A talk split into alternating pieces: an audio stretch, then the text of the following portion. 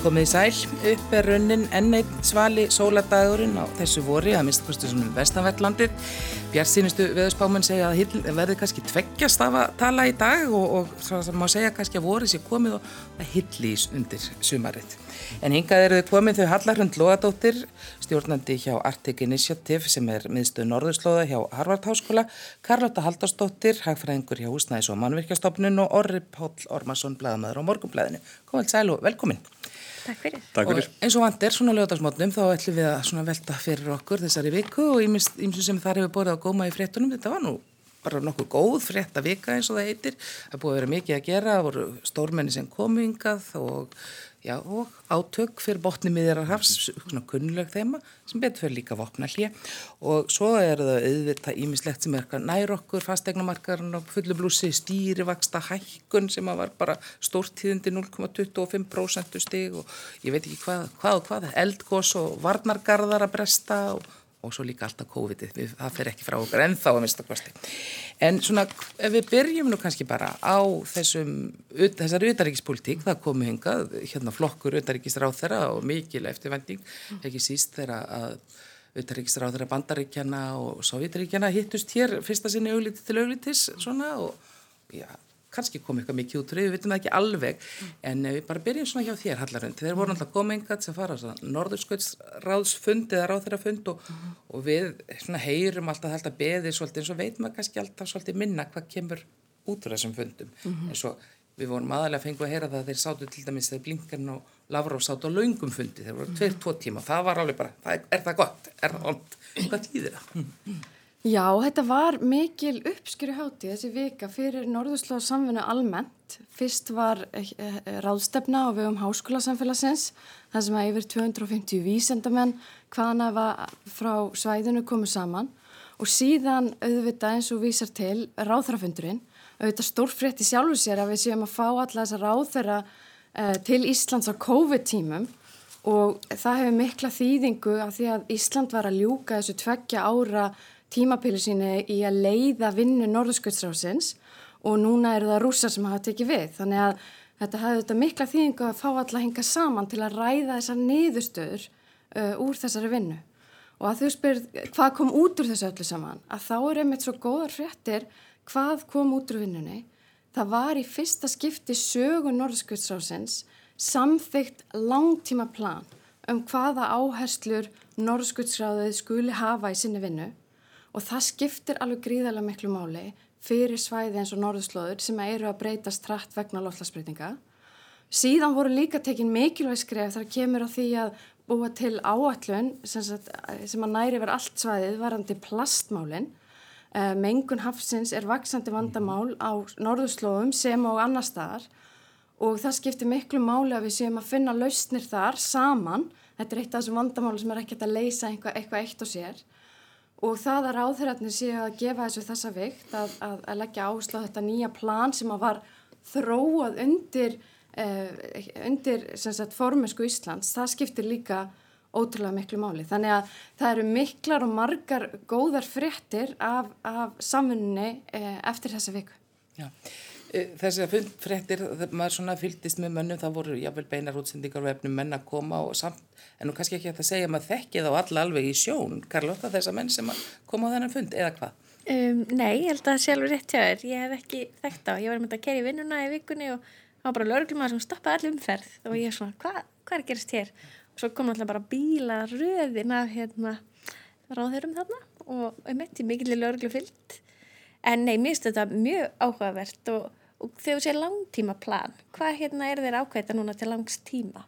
Það er í rauninni verið að horfa á þessar langtíma áherslur alveg í rauninni næsta áratug sem setur samt staf, stefið fyrir lengri samfunnu og það er, sko, Norðskjöldsráðið er fyrst og fremst að beina sjónum sínum að sjálfbari þróun uh, uh, málöfnum sem tengjast umhverfismálum, öryggismálina því þú nefndir nú samfunnu rúsa og bandaríkjamanna mm. eru fyrir utan vinnur Norðskjöldsráðsins en það að hafa langtíma uh, sín á hvernig við ætlum að vinna uh, umhverfismálinn og sjálfbar þróun skiptir svo miklu máli að því að mm. það sé líka um hvernig við fáum fjármagnaborðinu, hvernig við stillum saman ólíka aðila í að vinna ákveðinu markmiðum mm -hmm. þannig að þetta eru ótrúlega góða fréttir. Mm.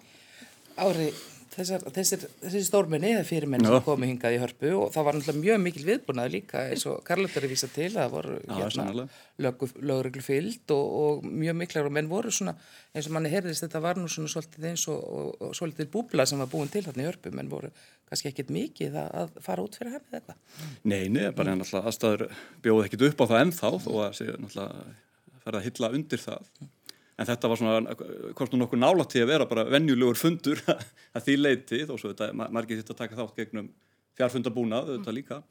En mér finnst bara þessi umræða um, um, um norðurslóðamál bara, mér finnst bara frábært á, á hvaða svona stað uh, hún er komin.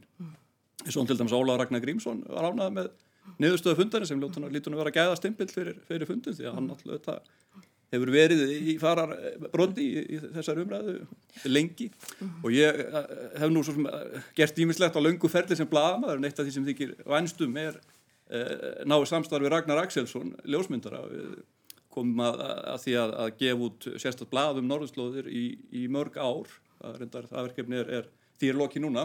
En Ragnar alltaf unnið þrekvirkji að, að ferðast um, um svæðið og, og, og uh, mynda uh, raun, þetta, þetta líf sem er, er svo óvinnilegt og, og svona mjög nálátt okkur en samt svolítið langt frá okkur af þessu leiti sko.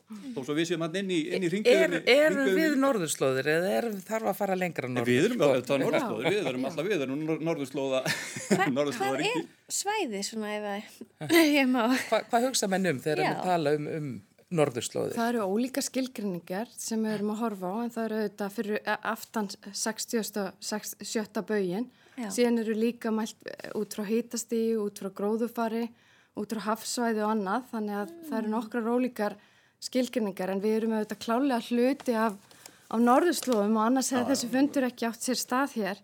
Áttaríki sem að sem að, já, sem að sitja þarna að borða en mér langar til að, að þú ert að tala um hérna Óla Ragnar og þú ert að tala um þessar niðurstöðu í breyðara samengi, menning og listir og annað að þá sk- sko er þessar niðurstöður ekki bara góðar út frá alþjóða samfunni heldur líka út frá sko því hvernig Ísland er séð í þessu samengi til lengri tíma.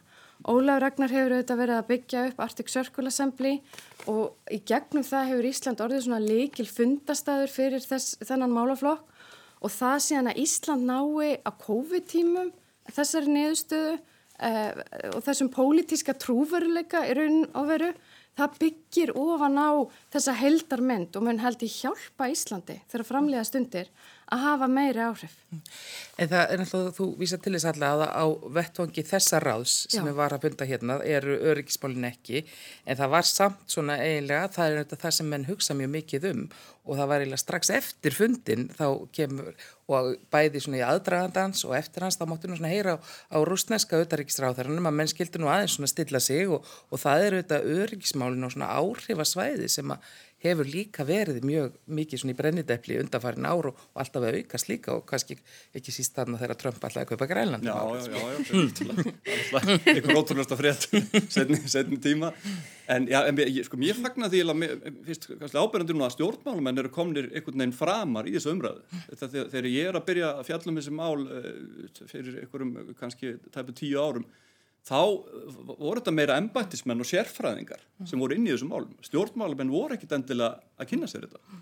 En mér finnst það er að breytast og, og náttúrulega skiptir náttúrulega miklu að gegna þessari formensku í Norskvöldsráðinu þessi tvö ár og þar voru Íslandikar leggja áherslu á hafið meðal annars og, og Guðljóð Þór tala náttúrulega mikið um, um sjálfbærni á svæðinu sem er svona likil hugtak en eh, sko stjórnmálamenn er meiri þáttakendur í umræðinni Já. sem að lítur að náttúrulega að, skipta miklu málu upp á það að, að, að, að taka ákvarðanir og, og, og móta stefnu til, til lengri tíma eins og er gert þarna.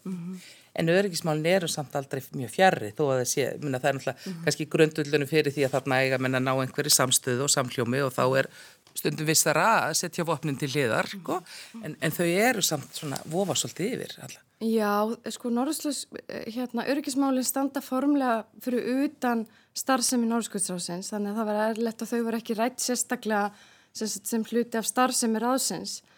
Uh, að því þú veist að tala um fundin melli Blinkan og Lavrov áðan, að þá held ég, og það var svona umtal, umtalunar efni hversu langur sáfundur hafi verið, að þá held ég að við horfum á að rússar og bandarækjumenn hafa auðvitað ekki sumu sín og hafa verið ósamála um marga hluti. Við getum hort á, á Krímska, Úkrænu, Sýrland, Venezuela og, og, og ólíka, ólík mál og málflokka í, í, í stórumyndinni og ef við horfum á fundin í því samegi að þeir eru auðvitað þessir tveir auðrækisáþarar að undirbúa fyrsta fund eh, bæten við Pútín að þá eru auðvitað svo margt að ræða í hörpunni annað en norðurslóðamálun og, og kannski eru það góðar fréttir að samtalið hafi verið svona langt. Við vonum að það seti, hvað við segja, góðan upphastón fyrir, fyrir framvald samanunnar. En um, það, ég hugsa sko að, að það hefur verið norðskjöldsræðinu til framdráttar að öryggismálinn, sérstaklega núna þegar það er veksandi fókus og spennað svona í kringu þau á norðurslóðum líka, að geta átt þetta, hvað ég segja, maður myndi segja hérna ennsku safe heaven, svona, svona hérna zone of peace, fríðarsvæði, þar sem að ekki er verið að ræða þessi mál með beinum hætti. Mm. En þegar menn, menn náttúrulega hugsaðu mikið um það þessi fundur utaríktir á þeirra bandaríkjana og þá vorum við náttúrulega að horfa á eitthvað sem við vorum að upplifa enn einu sinni átök millir Ísraels og Hamas á gasasvæðinu og bara búið að vera linnuleusar ára á sér og, og frasinn sko fyrir botni, ástandi fyrir botni miðrarhafs er eitthvað sem hefur ábygglega fyllt hér alla æfi Karlóta og, og þetta voru, en það voru, voru þó svona, vona, það var vona glæta í loki þegar það var hefðist af vopnallíði, sko. Já, það er mitt. Ég held að allir hafi fagnat því þegar það voru fréttir þarna af vopnalliði og svo reyndar las ég nú bara í morgun að það hefði nú verið einhvers konar átök en það hefði samt ekki haft áhrif á vopnalliði sem að vonar allavega en mér finnst þetta einhvern veginn búið að vera bara alveg ótrúleg átök og var einhvern veginn finnst svo áhugavert árið 2021 að það sé allir einhvern veginn bara vilji ekki snerta á þessu. Mér finnst það svolítið vera staðan, þú veist þetta sé svo viðkvæmt þetta er náttúrulega voldugt ríki hérna og, og, og manni finnst þetta svolítið svona já, bara skrítin átök og mjög sorgleg staða Orri, Pál, þessi fri, fri, átök á þessu svæði hafa náttúrulega verið bara áratugum saga sem að veri, sér ekkit út úr. Já, bara mm. lengjum að mann eftir bara frá því að byrja að fylgjast með fréttum þá koma þessar fréttir alltaf reglulega. Mm. eins, eins ömurlegt og sorglegt og þetta allt saman er og og það sem kannski vekur aðtikli núna er það að, að, að Ísraelar og Netanyahu uh, náttúrulega tala um Íran í þessu sambandi að, að þessar, þetta stríð séu raun sprottið þaðan sko og þeir fari í gegnum Hamas og, og, og svo framvegis en alltaf bara það sem upp úr stendur er auðvitað bara mannfallið óbreytti uh, borgarar og börn er alltaf fórnalömpin í þessu átökum eins og alltaf Mér finnst einmitt ræðilegt að horfa upp á. Mér finnst einmitt kannski búið að vera svo mikil samstað núna í alþjóða samfélaginu að núna sé fólk að fara aðeins að vakna upp. Að mér finnst þetta að koma reglulega alltaf upp umræður og fréttir um þetta og fólk svona smá finnst mér okkur verið að vera svona hunsa fílin í herbyrginu. Mm. Ja, það, mér finnst það svona vera svolítið tilfinningin en núna loksust, það voru mótmæli viða um heim og, og fólk svona er farið að finnast þetta bara, eh, við eigum að gera eitthvað í málunum núna. En, en, en svo er alltaf hort líka, þetta er í átök Ísraels, Palestínu, mm. Íran blandarst inni, svo vísa mann alltaf til stórveldana líka, þeir, við, við komum aftur af, af fundinum, hva, hvernig þau beita sér og þetta er alltaf tekið upp í örgisráðinu, þar að bandar ekki menn, ég vilt vera móti öllu sem að, að kemur að því að beina, beina spjótunum, það, það þaðan beint til Ísraels. Núna var til dæmis svona svolítið, sko, fórseti bandaríkjana talaðu um það að þetta er ekki liðið en um leið þá var líka hafnað álíktun í öryggisræðinu þar sem bandaríkjaman tók ekki þátt í henni sko. þannig að mm. það er einhver svona, einhver svona já, ósamræmi finnst manni stundum þegar maður hlustar á þess að fréttir Þetta er flókin diplomatískur dans og ég held að Blinken hafi kannski undirstrykkað það þegar hann sagði á bladamannafundinum að þó að það var ekki ábyrjandi hvernig bandarækjum menn væru að beita sér beint á ofnbörlum vettvangi að það var verið að reyna margar ólíkar leiðir. En þetta er auðvitað eins og þið hérna segið, þetta er auðvitað ótrúlegt að það skul ekki vera búið að, að finna laust þarna. Og hluti af vandamálunu er auðvitað líka hversu sterk, hvað ég segja, ítök og samstarf bandaríkjana og Ísraelsmanna er í rauninni, minna, ef, ef við horfum á stjórnmála Eh, hliðina í bandaríkjanum þá eru þetta þannig að, að eh, sagt, samfélag sem tengist Ísraeli og annað eru mjög áhrifamikið í bandaríkjum stjórnmálum líka þannig að þetta er mjög flóki á, á, á mörgum levelum. Mm. En auðvitað vona maður þó að vopna hlý haldið það maður gerir það svona fyrstu nóttina eitthvað og þó eitthvað hafi slegið í brínu að það verði þá gefist eitthvað tóm til þess að mann geti komið saman og, og eins og sem eitt víst að við leysum þetta ekki hér við borðið frekar en, en svo margt annað. En ef við horfum svona aðeins heim, það var nú hérna svona regluböndin tilkynning í vikunni um breytingar á stýrivöxtum og mennur svona leggja mat á, á hvar við stöndum núna eftir, eftir COVID líka. Sumuleiti svona jákaða fréttir en það vekur svona sérsta gatikli núna í stýrivöxtækunni.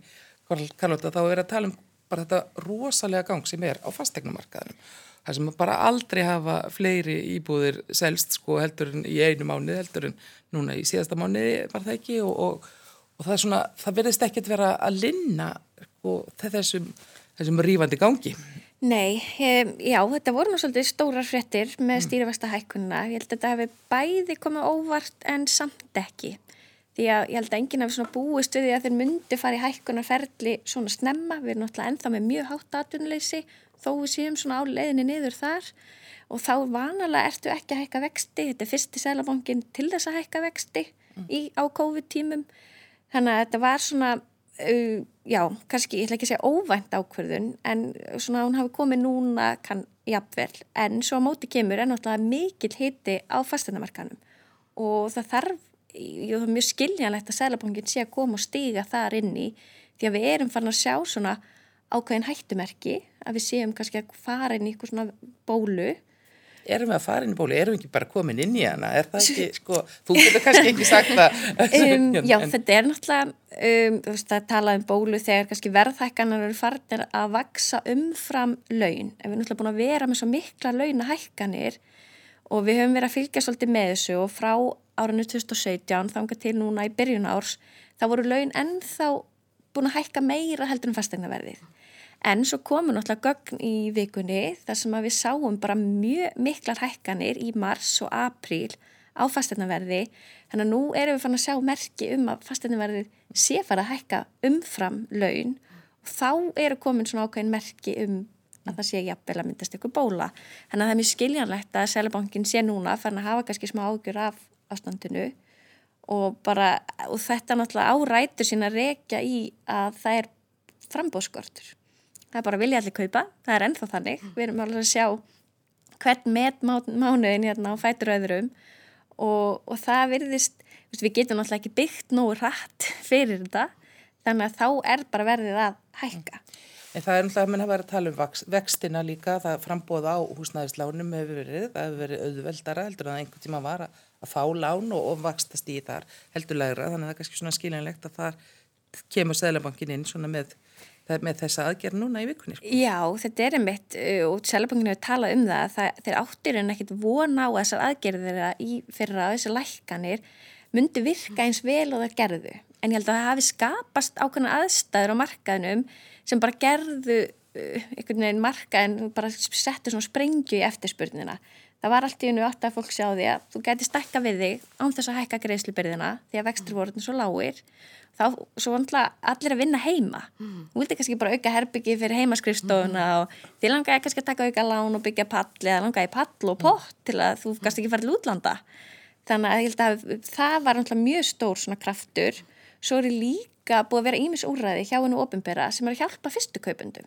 þú ert með sérregnarspartnaðin og þú ert með hluteldalánin og svo ertu líka með 90% lán. Þannig að þá ert alltaf í orðin svona lítið brú til þess að brúa þetta byl okkar kenning er líka svolítið svo að þú veist, ég meina, fólk var endur fjármagnar svo rosalega mikið, bara vakstalækkaninnar örðu til þess. Og þá voru kannski fórildrar taka eins auka lán, lána bönnunum sínum fyrir útborgun. Auðvitað er þetta náttúrulega svolítið svona ágiskun en það var svona kannski tilfinningin líka að því að í, fyrstu, í fyrra þá bara hefum aldrei sér jafn marga fyrstu kaupundur það kemur manni samt svolítið óvart einmitt af því þú lýs, vísa til þess líka því að atvinnleysi er meira heldur en það hefur verið lengi en, en við erum komin í, í sko, fastegna við skiptum aftur til 2007 er verið að jafna Já. til þess það, og það er nú svona viss merkimið í, í íslenskri hérna, umræðu um, um, um, Þá fara við, við já, já, svona stundum. En, en svona þannig að manni feist þetta svolítið já, sömuleiti svolítið kyndugt, þessi rosalega spenna á fastegnumarka. Já, ég maður bara fylgist með þessu bara fólki í kringum mann sem er að kaupa eða selja og það er bara að fá eitthvað verð fyrir eigninu sína sem það bara aldrei trúað. Bara ekki fyrir bara mánuði sko, hvað, hvað þá fyrir ári. Þannig að þetta, já, þetta, er, þetta er mjög merkilegt að, að, og, fólk að, að jafnvel að kaupa íbúðir án þess að, að skoða þær sjálf bara vegna þess að það vil ekki missa af, af eigninu Þetta er, þetta er, þetta er, þetta er, lítur að vera með óvinnlegt. Já, og ég held að þetta sé líka orðið svona smá á, eða svona vond ástand, af því að þetta er náttúrulega kannski stærsta fjárfestingi sem þú tekur á lífsleðinni og þú ætlar að gera það ykkur svona óðagoti, af því að þú veist, það er hundra manns að skoða, þú kannski kaupir án þess að skoða hana, þannig að ég held að það sé svolítið mikilvægt, nú erum við búin að skoða þetta rosalega mikið hérna hjá HMS og að það er verið að byggja ennþá bara mjög mikið þannig að ég held að það sé mikilvægt kannski að koma þessum skilabóðum áfram til landsmanna að þetta er ekki seinasta íbúin sem er á markaði núna. Mm. Það er svolítið tilfinning fólks. En, en um leið er að tala um að það sé ekki nægilegt frambóð og, og þá svona ítir það undir þessa tilfinningu líka. En þetta er það mjög, mjög merkilegt að það séu svona svona kvatvísis kaup sko, íbúð og fjárfæstinga meðan maður fer kannski aftur og mátar buksur sko, en maður bara kíkir einsinni íbúð og svo bara tilbúð, ég bara gera tilbúð alveg strax og bara semja þannig að þetta er svona, maður finnur alveg fyrir þessu þó maður sé kannski ekki akkurat í þeim spórum að, að þetta sé, það er mjög mikil spenna í gangi. Þetta minnir þú aldrei að þau ert að tala um hennan skort og hennan frambóðs hérna, þessa, þessa, hennan frambóðsvanda ef, ef svo maður segja á ástandi eins og það er í Cambridge í Massachusetts þar sem að ég er búin að búa á endafarn ár er sem sagt að þar afléttir fólk öllum fyrirvörum. Þá eina leiðin til að kaupa er að einfallega hérna, sjá einhverja myndir og, og, og leggja fann fjármagn og loka dílnum. Þannig að núna þegar maður hefur verið að horfa ástandi hér það minnir doldið á á eh, stöðuna þar þó svo að Cambridge sé þetta full byggður bær og þar er ekkert vaksandi fram, eh, hérna, frambóð eins og er yeah. auðvitað hérna í Reykjavík. En, en Karlótt að vísa það nú svona líka til sko þessa sem hefur verið nú kannski svona einnkjens merki fyrir eh, þennan farsóttar tími hjá mörgum það er heimavinnan og kannski svona, svona aðþreng til, tilfinning. Hefur þú verið mikið heimavinnu ári? Mjög mikið, mm. mjög mikið og alls ekki aðþrengdur. Nei. Bara það er afskaplega vel um mig. Þetta er auðvitað mjög, mjög misjant eftir hverju aðstæðar fólks eru. Ég, man, ég hef alveg skrifstofi prívat sko, rými en aðrir þurfa kannski að vinna inn í eldhúsi eða inn í stofu og kannski með lítil börn kringur sig og eitthvað svoleiðis. Þannig að aðstæðan er auðvitað misjöfn. En mér hefur líka þetta alveg ljómandi vel og ég held að menna vel átt að sjá því að það er ekkert máli að gefa dagblad þó að sko, fólk sé við erum til dæs með, með, með, með hérna bladamann sem, sem vinnur í Mexikoborg sko þannig að það, það er ímslega hægt í þessu sko. en það er svona, kannski eftir að koma í ljós svona aðeins þeirra fram í sækir, hvort að þetta verður með fólki, ég held að það sé líka marga sem, marga sem þyrstir í það að komast aftur í hóp vinnufélaga og vera með fólki og svona. Hvað finnst þér alltaf, þú hefur nú veintalega verið í fjárvinnu Heldur betur, ég kem hinga heim bara sem raunverulega sem COVID-flótamaður eða í rauninni sem sko í sumafrí síðasta sumar. Já. bara með ferðartöskurnar fyrir fjölskylduna og svo Sömu buksunum síðan. Ég bara í sömu buksum og ég mætti þá. Um, en það sem sagt síðan var hérna ákveða að, að Harvard er það algjörlega online og það eru öll starf sem hefur verið reygin þannig, öll kennsla og allt svo leiðis og maður sér auðvitað margskonar tækifæri þessu tengdu þegar framísækir og líka auðvitað að maður horfður á umhverfsmálinn, loftlasmálinn, að það eru mjög jákað fréttir að við séum ekki kannski að ferðast mikið, við séum að hugsa um það hvernig byggingar eru nýttar og annað. Þannig að ég vona að þetta skilir sér líka svona lærdomurinn og, og kannski að ákunnuleiti breytt hegðun eh, inn, inn í þá umræðu. Mm. Og, já klukkan er að verða hálf tól þau setja hérna hjá mér Hallarhund Logadóttir, Karlotta Halldórsdóttir og Orri Pall Ormarsson. Og við erum að tala um svona ímislegt sem hefur borðið að koma í vikunni í fréttum og vorum að fetta okkur inn í kannski eiliðarfréttina sem er kórnaveran og farsóttin. Og þá koma nú heldur betur fregnir af því líka að það bæðið eru náttúrulega búin að dinja á okkur svona bólusetningafrétti, svona x-markir búin að vera bólusettir en svo líka og svona aðeins að fara að slaka á tölvert og, og í, í næstu viku og það er nú alltaf fagnar efni, það ekki? Jú, klálega. Ég hérna bara datin á þess að frétti gæri að það var bara 150 manns og afnema grímuskildina. Ég verði að viðkjöna að ég held að það er eitthvað svona alveg seinasta sem við myndum afnema. Ég, maður búin að vera svona ræð, það var í umræðinni. Þannig að ég bara, þetta voru mikla gleði fregnir að maður þurfi ekki, maður lappar út úr húsi og er alltaf bara, er ég með bílikla, síma og grímu mm. þetta er orðið bara nýji síminn manns veist, það er mikilvæg að vera að hafa hana Já, og það var nú ekki fellana alveg, Nei. tók ég eftir, það var náttúrulega sem að fer á einhverju viðbyrði þá, og skipa þetta sæti svo þar að maður að sitja með hana en svona bara ég mitt að fara, ég hætti ekki við að, að fara út í búð af því að maður er ekki með grímu og, og, og svona en, en þannig að þetta er svona, maður horfi, þetta er jákvæða fréttir svona á, vordögum. Heldur betur. Og ég tók bara eftir því strax í gæra fólk var að fara að setja saman bóðslista það fóru að streyma en símtölvarandi sko fermingar og afmæli og annað. Þannig að maður sér fyrir sér að sumari verði mjög ólíkt síðasta sumri.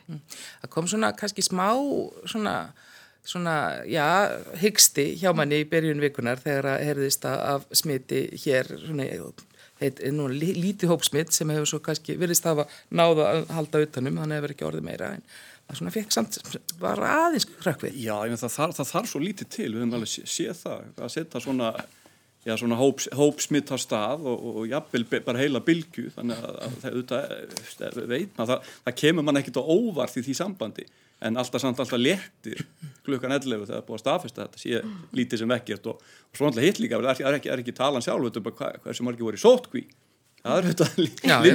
líkilatrið þessu líka, en, en þetta er þetta bara frábært tíðindi og, og, og bara vonandi þetta sumar eftir að síðasta sumar var nú reynda bísna gott, það meðum ekki gleyma því að við fengum þarna sótt klið Já. það var þetta að halda halda í ýmsar veislur og, og, og fólk ferðaðist náttúrulega mjög mikið og, og, kynntist landinu sínu upp á nýtt og sömur kannski í fyrsta skipti.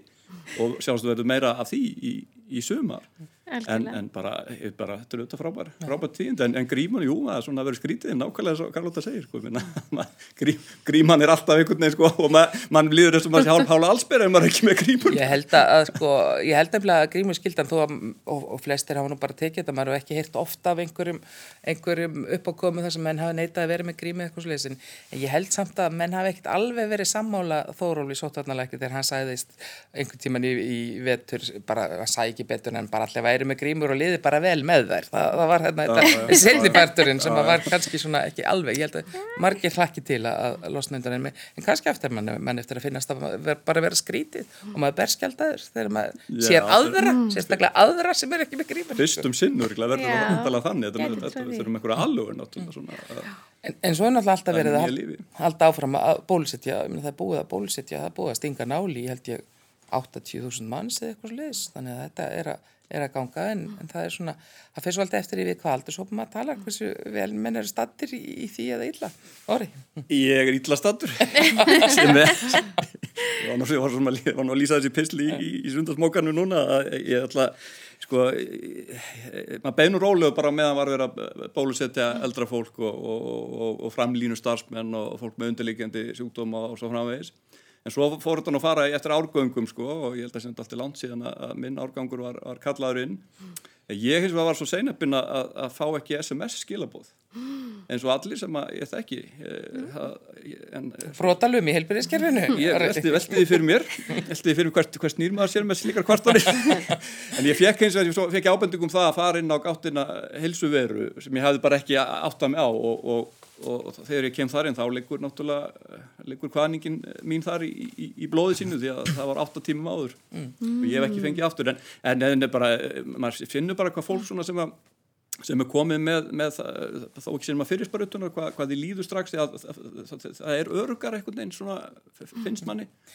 Og, og svona kannski einhvern veginn eh, sér meira fyrir endan á, á þessu ástandi öllu Það er náttúrulega svona mismun- mismunandi svolítið, fer svolítið eftir aldur samsetning og vinnustað og svo leiðis, hvað, hvað þessar fregnir eru áberrandi að vinnufélagamann séu búinir að fara eða ekki og, og bólusetningar öfund eh, að fara að örla henni svona á vissum aldurshópum ef ég orðið vörfið, sko.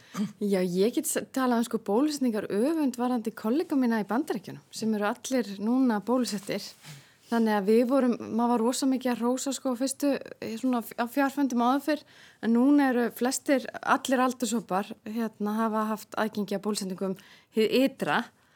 En hvað varðar hérna, ég var nú því að því að það komið að 1981 sem er mitt ár og þá var ákveðið að í staðan fyrir að er því næsti árgangur og þá að hafa þetta svona eh, sko random eitthvað slempi úrtak sko. Þannig að ég sé til hvenar ég fæ mitt SMS en var bara að krossa putta og vona það besta. Karlota, bólusetningar öfund eða hérna, Ég, Metingur, kannastu við þetta? ég hef ekki fundið fyrir því, þess að ekkert svona rosalega, en hérna ég er býð nú samt spennt eftir að fá kallinu, ég er enda svolítið þannig að ég er ekki mjög spennt að fara í hana, en, en jú, ég held að vera rosa gott að maður er búin að fá þetta og, og ég er líka svona svolítið ánað með þóról að vera ekki samt að skipta upp samfélaginu, sumir eins og er ekki bandarækjunu svolítið, ef þú komið bólusetningu að ekki Já. með grímu og eitthvað, sem myndan einmitt ennþá meiri öfund og svona skiptingu en við hefum ekki verið með það hér þetta er bara sama er ennþá gangi yfir alla sem að kannski einmitt hjálpar til Ég held að líkil ástæði fyrir því að bandarækjumenn hafa samt sett þetta núna, þetta útspil með að ef þú ert bólusettur, að þá máttu sleppa við grímuna, er að því að núna geta allir bóka sig og fengi bólusetningu, en það, fólk er svo, sumur eru svo hrættir og þetta á rauninni að skapa kvata. Þannig að þú sjáu fram á ef þú drýfir þig, að þá meiru losna við grímuna. Þannig að það gengur ekki út á í raun og veru að, að, að, að þú hafur ekki aðgengi í dag, hafa allir aðgengi, en, en með því að segja að þú losni við grímuna þegar þú ert búin að fá bólusetninguna, þá eru raun og veru að hvetja fólk til að mæta. Það er náttúrulega verið talað um það hér að það hafi verið, sko, menn hafi mætt alveg og, þó, og, og jafnvel eh, verið mikil umræðu mismunandi bólefni og löndum í kringum okkur þar sem ekki er verið að nota til dæmis öllu bólefni sem að hér er notuð og, og það verist ekki hafa haft áhrif, fólk hef ekki fælst að fara svo mikið. Nei, ég held að við búum ótrúlega vel að svona upplýsingum. Þú veist, ég held að það sem búið að skipta svo miklu mála á Íslandi er að við, við erum bara með eina upplýsinga miðstöð ef við getum kallað þrý ekki það og það er bara allir að fá sömu upplýsingarnar. Og við treystum þeim og, og þá einhvern veginn skapar miklu betri umræðu og allir eru eins upplýstir. Ég held í bandarækjunum sé þetta miklu erfiðara. Þar ertu með bara upplýsingu óreiðu falsfréttir, alls konar svona á, á, áróður og hérna að við hefum bara held ég verið svolítið laus við það. Það er bara allir kveikt þarna á fréttonum þegar, þegar upplýsingafundurinn er og bara allir að hlusta sömu skilabóði okkur einn og einn svona samsæðiskenninga sinni en En, en það er samt svona kannski aðtilsvært þetta, ég heyrði bara frétt einhvern mann, mann hvort það var náttúrulega í vikunum þar á undan um það, af því þetta er sérstaklega verið að tala svo mikið um AstraZeneca að, sem að hefur ekki verið nota á Norðurlöndunum og menn hafa ákveð þar og við náttúrulega lítum svo er, það horfum mjög mikið til þeirra líka en, en hér hefur verið haldið áfram að nota og það verist ekki hérna og það var alveg að margir sem að mættu eða mættu ekki eftir sko, mismunið, það munaði engu á, á efnunum því að nú kemur það í bóðinu þeir sem fá það sko, að það stendur í hvaða, í hvaða, hvað þú færið sko. Já, já, ég, ég átti að fá Astra, AstraZeneca og vantalega fæði það nú endanum þegar, þegar að því kemur. En jú, það, jú, það, maður heyrir ekki mikið um það að, að fólk sé að skrópa í, í bólusetningu. Það er svona alltaf einhverjir sem að munu velja það að, að fara ekki af einhverjum ástæðum og það er bara, auðvitað verður maður að virða það. En, en ég fréttu nú reyndar, að því að í Janssen bólusetningunni núna í vikunni hefur verið svona eitthvað, færra en ég Já. bara heyrði það bara frá, frá manneski sem, sem þar var en, en ég þú veist ekki síðan einar fréttir Nei.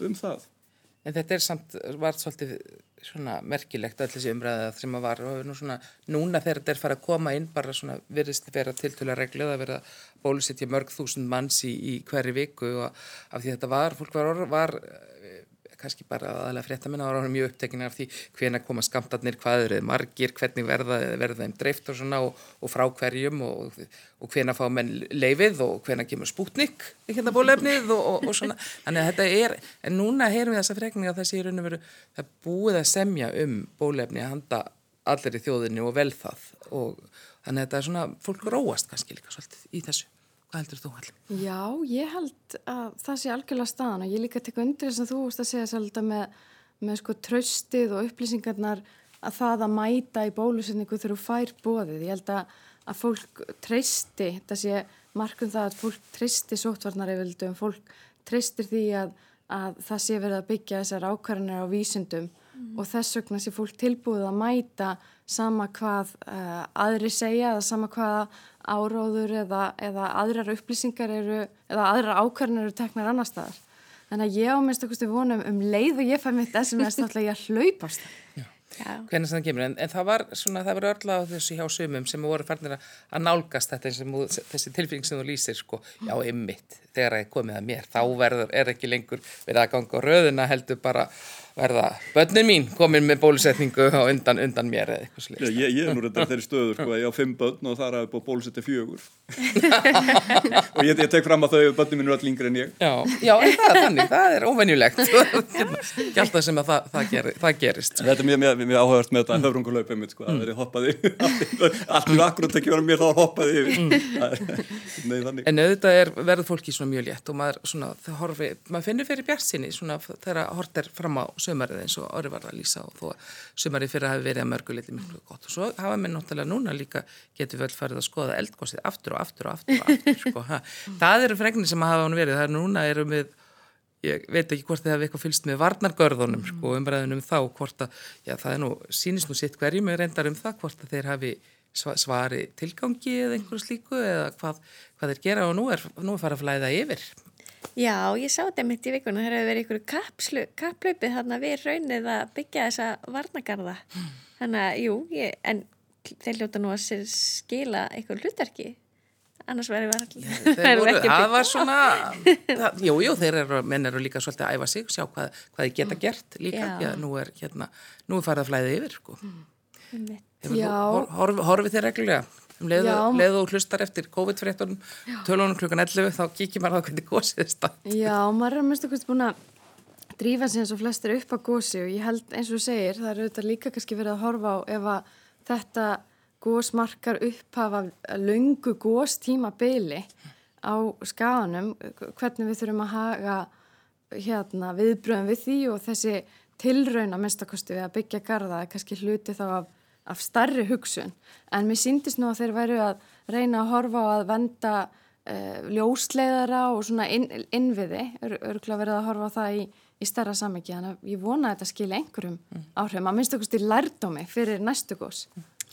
Orri, varnagarðurinn, sko, það, það, það er svona, mér finnst það of, svo ofta áhugavert hvað, hvað það er sem kemur í gegn, sko, núna, eins og með, sko, bólu, bóluefnin, þá vorum maður allt í norðin komið með, með sko, ta, á takteinum, sko, nöfn á livjafremleðendum, alveg, sko, minnstu kosti, fimm, fjórum, fimm, sem maður getur, uh, hérna, nefnt, en, og svo er það örnefni þarna inn við Fagradalsfjall sem að eru, sko, og eh, vantar þó samt eitthvað upp á það, því að nafnlausi dalurinn hefur verið mjög ábyrrandi núna upp á undarfarið. Já, hvað þau farið úrskeiðist Já. þar veltum að fyrir sér hver, hver, hvar er uh, svo skrifstofa sem, sem, stóð ekki sína plikt í því sambandi. Jú, þetta, jú, það er alltaf skemmtilegt í, hérna, kringum eldgós og, og, og, og svona, svona hamfarir það, þá dúkka alltaf upp einhver mjög og þau eru yfirleitt mjög skemmtilega þessu örnefni sem, að, sem kom upp á krafsinu og, og við erum auðvitað auðfengi mörg áhugaverði í, þessu gósi En ertu búin að fara þannig eftir?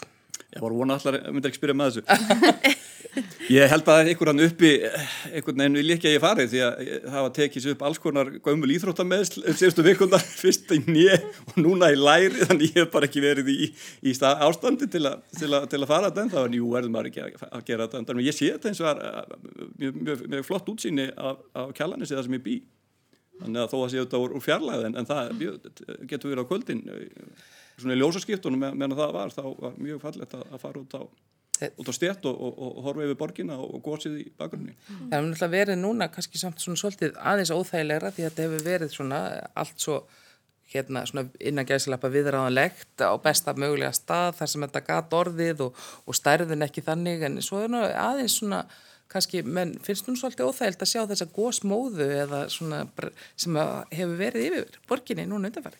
Já, ég held einmitt, þetta er búið að vera svona eins og kallum túristagós og rosa fínt og eins og hugsa maður, ég meina ef þetta er að fara að gjósa í einhver ár að þá náttúrulega, þú veist, einhvern tíman fyllist þessi ónefnablusi dalur og, og svona, þú veist, hvað hva, hva getum við gert? Er eitthvað sem við getum gert? Eða þurfum við ekki að vera einhverjum ráðstöfunum við því? Og, og sama eins og hvað er ekki bara fréttum í gæra, þú veist, börn ætti ekki að vera að sofa úti og hérna, þannig að þetta hefur náttúrulega ymsar afleðingar svona með í för og, og auðvitað margir sem finnst það bara mjög ó, mikil ónúta tilfinning sem fylgir því.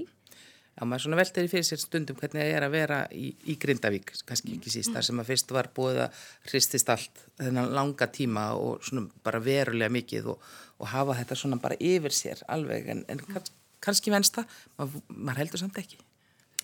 Ég held að þetta fari mjög mikið eftir því hvernig þetta þróast eins og segir, hvort þetta heldur áfram að vera svona minna gós og með þeim óþægindum sem við sjáum nú þegar eða hvort þetta stækkar og mögulega hvernig framhaldi verður, hvort að verða einhverju fleiri gós og eitthvað svo leiðis, hvernig við munum horfa á þetta svona í heilsinni. En uh, so far so good, myndi ég segja, svona að við erum að horfa á tímasetningu varandi túrismann og, og annað, maður hefur ekki undan að svara heimsóknarbeðnum. Ég bara talað um að þurfa að stækka vissi, maður bara þarf sko fleiri, fleiri gæstaherbyggja að maður ætlar að taka móti öllu þessu fólki sem maður vill koma heim og vill njóta náttúrunar og skoða gósi. Mm.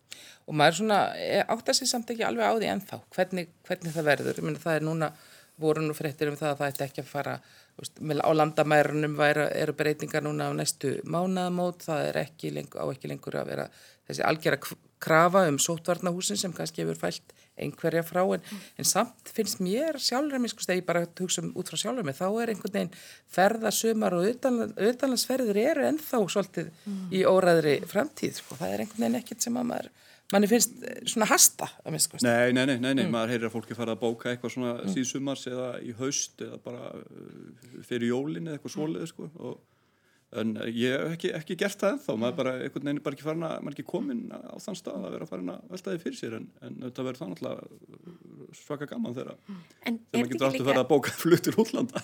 Er þetta ekki líka svolítið spurning um áfangastæði? maður er kannski ekki tilbúin að fljúa á vissa staði en ymmit á stöðum þar sem er búið að veist, ná mjög vel utanum faraldurinn eins og Ísland. Mm, mm. að ég held að við séum allavega ef fólk allar að ferða erst úr bólusettur og þá sé þetta allavega, allavega mjög físilegur kostur að koma ynga, ég menna mjög mikið feðmi þannig að þú veist, þú auðvelda að vera ekki í markmenni þannig að ég held að við séum allavega heppin með það. En mm. það kom nú kannski smá óvart. Nú var náttúrulega play koma á markað í vikunni eða hvað maður segir og, og það er bara svakalega eftirspurt sem nú kannski ákveðin merki um að við séum orðin mjög útlanda þess en, en svo er náttúrulega líka það fylgir því að það er viss svona átök í, í tengslu við það að komi mjög svona, já, kastaði, kastaði í brínu eða svona milli fórsvarsmanna félagsins og alþjóðsambandsins og, og svona átök um þessi launamál og, og svona stjættarfélagsaðildina og svona þetta er eitthvað maður kannski sér ekki alveg fram úr í hvernig, hvernig fer alltaf með þetta Nei, og, ég... og kvartning frá alþjóðsambandinu um að sniðganga fyrirtæki bylni sem að þeir hafa takið og kannski að vonum mjög illa. Ég hef ekki sett mig að það fylgst með þessu nákvæmlega í vikunni að því að norðurslóðamálinn hafa átt hugminn allan, skal ég segja. En auðvitað er mikilvægt að fyrirtæki starfi eftir leikreglum en ég hef svo sem ekki heyrt að pleysi ekki að gera það. Og ég svona sem hafandi bú, búið erlendis í 12 ár og, og veit, vitandi það hversu mikilvægt það er að hafa góða samgöngu til að frá landinu að þá finnst mér almennt sé að fagnaði því að það sé nýr leikandi á þessu, hérna, á þessu markaði og, og vonandi skilar það sér líka til neytanda og, og til ferðarþjónstunar allar. En það er svona áeftir að sjá kannski hvað hvernig fer með þetta með flugs, flugstjættarfélagi Já, já, þetta, já þetta, var, þetta var bara þetta var sprengja náttúrulega mm. sem að þessi varpaði þarna og, og pleivísar eins og bög heldur því fram að þessi sé með einhver bara fölsk gögn í, í höndunum og sé að rekna þetta eitthvað vittlaust og ég er náttúrulega bara vinga fórstöndu til, til að meta mm. það en bara orð gegn orði þarna en, en sannlega óvinnilegt að, að, að, að hérna, verkefliðsreifingin Eh, sparki með þessum hætti í, í, í fyrirtæki sem er svona að reyna að koma undir sig, undir sig fótunum á, á markaðin en, en, en að hann til sagt að mér þá veit ég ekki nákvæmlega hva, hvernig málið er vaksið. Það hefur náttúrulega oft verið samt í sambandi við flugfélagin það hefur verið komið áður félag sem hafa verið hérna, það hefur verið svona, menn far, sé ekki að fara inn öllu, hafa verið með starfs, fólk á starfsmannalegum og svona og þetta eru það eru svona núningur, ágreiningur þarna í þessu en, en við, hérna, við vorum að tala um, um heimspolítíkina en það er náttúrulega hinn stór kostlegi og heimspolítíski viðbörður eh, söngvakefni Evrópskra sjómastöða í kvöld og, og það, þar mætist nú allt, það mætist sko hérna heimspolítíkin og farsóttin líka því að það voru náttúrulega hinnar vondu fréttir af smitinu í, í hópnum sem að koma í öfni. Já, heldur betur og ég held að þetta hafi verið bara svona mikil vonbriði fyrir bara þjóðina og sérstaklega náttúrulega það á og gagnamagnir því þetta er búið að vera svo mikið þrautaferli mm. þú veist, við vorum með vinningslagi fyrra fengum ekki að þakka þátt hann fer aftur hann að ég bara get ekki ímda með hvernig það er að vera þau en ég allavega þú veist, það gerir þetta rosalega vel fannst mér í undakeppninni að set, spila myndbandið mm. ég held að þetta sé aðalega kannski ákveðin skellur fyrir þau að fá ekki að fara upp á svið því að það, þetta bara leit, ef ég ekki vita að þetta veri upptaka, að þá hefði ég ekki endilega tekið eftir því. Þannig að við erum heppin með það allavega, að þetta bara var mjög vel gert hjá þeim. En jú, ég held að þetta sé bara mikill skellur líka að vera bólusettur og, og samt. Ég held að það, svona, þetta hafi svona eh, komið óþægilega við marga líka sem viss, þegar það kom, kom í ljós bæði hafa menn og reynda verið að veltaði fyrir sér af hverju fenguðu bólusetningun ekki einhver annar og svo það að, það að smitast með bólusetninga. Já, sko það sem ég finn samt, ég hefði viljað fá þau fyrir í þessa bólusetningu ef ég á að vera hreinskilina því að þetta er náttúrulega viðbyrður sem hefur áhrif á alla landsmenn eins og við sjáum hvað að við erum sár núna yfir þessu að ég, ég, ég hefði ykkur kvarta því minna þau eru hann nokkur sem hefur fengið og ég meina við erum allavega öll miður okkar í dag yfir að þau get ekki kæft þannig að ég hefði alveg viljað sjá þau fara fyrir, fram fyrir þarna.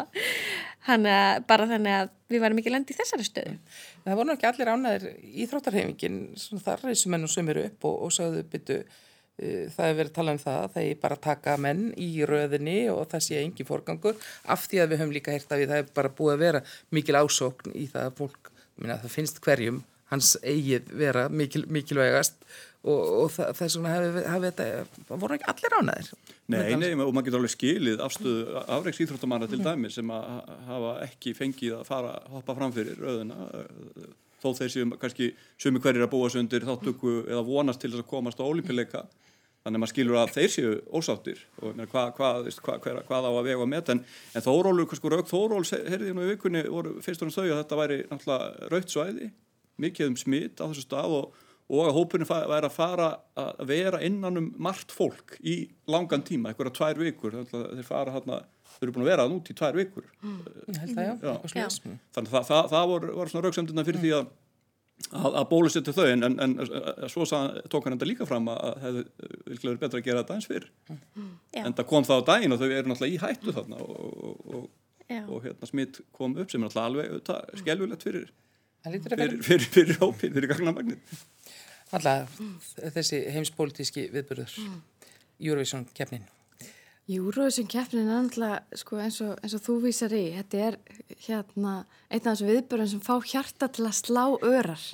Þarna koma saman ólíkir aldursópar og allir horfa með gleði hjarta og, og vonaða besta fyrir Ísland. Þannig að að ég vona svo sannlega að þau nái að fara á svið, ég veit ekki hvort það er útsið með það, það Ég held að það var talað þannig fyrir vikuna að það er það ekki, ekki. Er ekki. Já, er ekki. Það er ekki gísli Martin að taka við byggarnum ef þau unna Jú, Daði vildi ekki held ég fara upp á svið ef að um. Jói er ekki með sem hann má náttúrulega ekki mm. og þá held ég að þau bara tekja ákvörðunum Já, Já. Þá eru góðu fréttinar að þessi fyrri upptaka, ég segi það sama, ef ég hef ekki vita að þetta væri, held ég, að við ekki vita að þetta væri upptaka það að maður kannski ekki tekið eftir því og ég held, ég veit ekki með ykkur en við erum að fara all in fjölskyldan með hérna, hérna fjögur á mestakusti eh, saman í að halda upp á þetta kvöld, þannig að samankort að eh, hérna við verðum á sviðinu ekki að þá eru við held ég hvert einasta heimilega á landinu algjörlega bak við okkar fólk og við auðvitað vonaðum besta.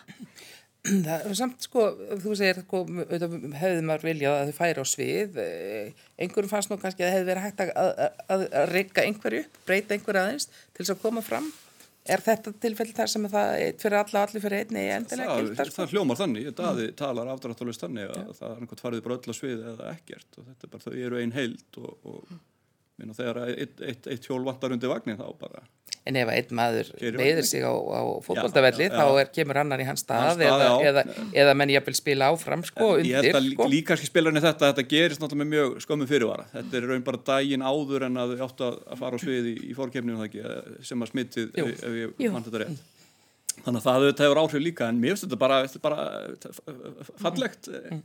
Þessi, þessi, þessi samstæði hópsins og, og þau náttúrulega bara geta verið einstaklega stöð að geta horta á sjálfsig og vinna í Eurovision Er það ekki, er það ekki, það er það ekki upplegið? Sko? Já, er rauninu þú getur unni Júruvæsson án þess að vera á sviðinu? Hversu? Já, já, já, hversu, já, nákvæmlega, hvað er hvernig? Hefði þá ekki bara, sem að sé, hérna fílpúkin og hodnin eða þú ekki bara verið hægt að láta alla sendin vídeo, sko? Þurfti að, þurfti að halda keppnina, sko? Já, það var þannig, var það ekki? Þurfti allir að vera með, með plan B er það ekki bara? Jú, Já, sko, menn tók upp á, æfingu þarna úti Já, til já, þess að já. eiga, eiga Náðu þú það, allavega að vera á Já. sviðinu, það var heldur upptaka til bara að heiman og já, ekki? Ást- ég held að Ástralja hafi verið þannig. Ástralía sendi, Já. sendi mm. teip en ekki, ekki, kom ma- ekki En landsins. já, ég held kannski að þú veist að tala um heimspolítikinu og alþjóðasaminu. Það sýnir að við viljum koma saman, við viljum hittast og, og kynnast og það skiptir máli, hvort sem að Eurovision eða Norðurslóðasamina. Þannig að, að þetta þarf alltaf að vera í góðum blandi. Svo Já. þeirra kemur náttúrulega þinni æstilegu stegagjöf, þá fara mann svona að para sig saman og, og, og það er það ekki bara mjög eðlilegt að sko, kannski fólk af ákveðnum svæðum finni bara, bara kunni bara betur að meta það sem að, að grannar þeirra völdu heldur en eitthvað sem kemur lengra að og er kannski aðeins meira öðruvísi. Jú, ég held að það sé alveg klárt mál. Mm. Myna, við finnum það sjálfa. Okkur finnst alltaf Danmörk og Nóri og Svíþjóð alveg æðisleg. En kannski síður veist, Portugal eða Serbía. Mm. Ég held þetta, er, því nær sem þið eru að, að þá kannski er svona ákveðin menning sem að er svona svipuð. Þannig að ég held að þetta sé ekki óðilegt og manni finnist þetta daldi perandi oft. Svona ákveðin lönd sem komast áfram sama hvað, bara svona út af samstöðinni. En, hérna, en ég held að það sé ekki óðurlegt, nei. Svona, í, í, því sambandi er, er, er, var finnskalega þetta allt skellur svo ég, ég sá nú ekki þriðudagarski keppnina en ég sá fimmtudaginn að því að finnar eru nú miklu rockarar sko, ég, það, það, það, ég, ég kemur þeirri átt, átt líka.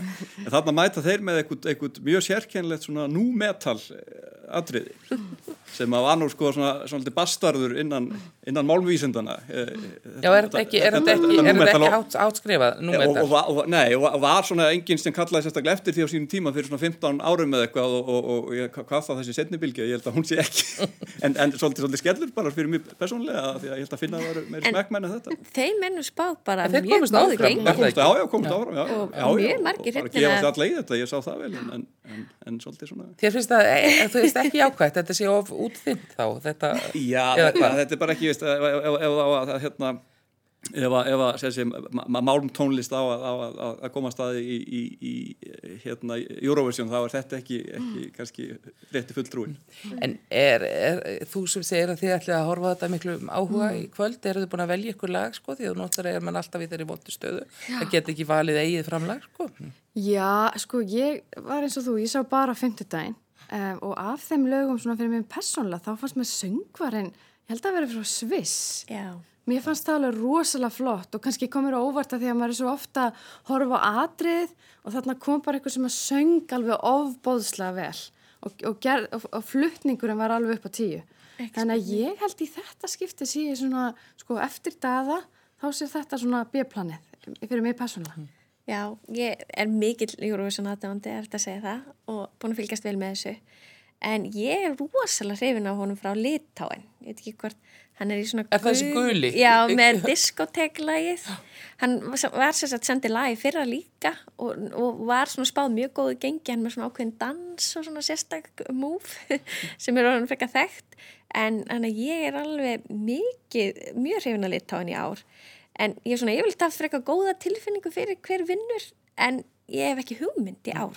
Það sem að veku nú kannski oft fórið fyrir minna þegar maður situr nú stundum og þetta svona flæðir yfir og manni finnst kannski ekkit endilega að skera sig úr en svo er það oftast alltaf verður það þannig að það eru bara einhver nokkur lög sem að hlaupa af stað og, og, og fá flest stíin og svona yfir, heilt yfir maður, hérna, og sér það svo sem ekkit endilega alltaf fyrir en, en það veku stundu fyrir þau hvað það er.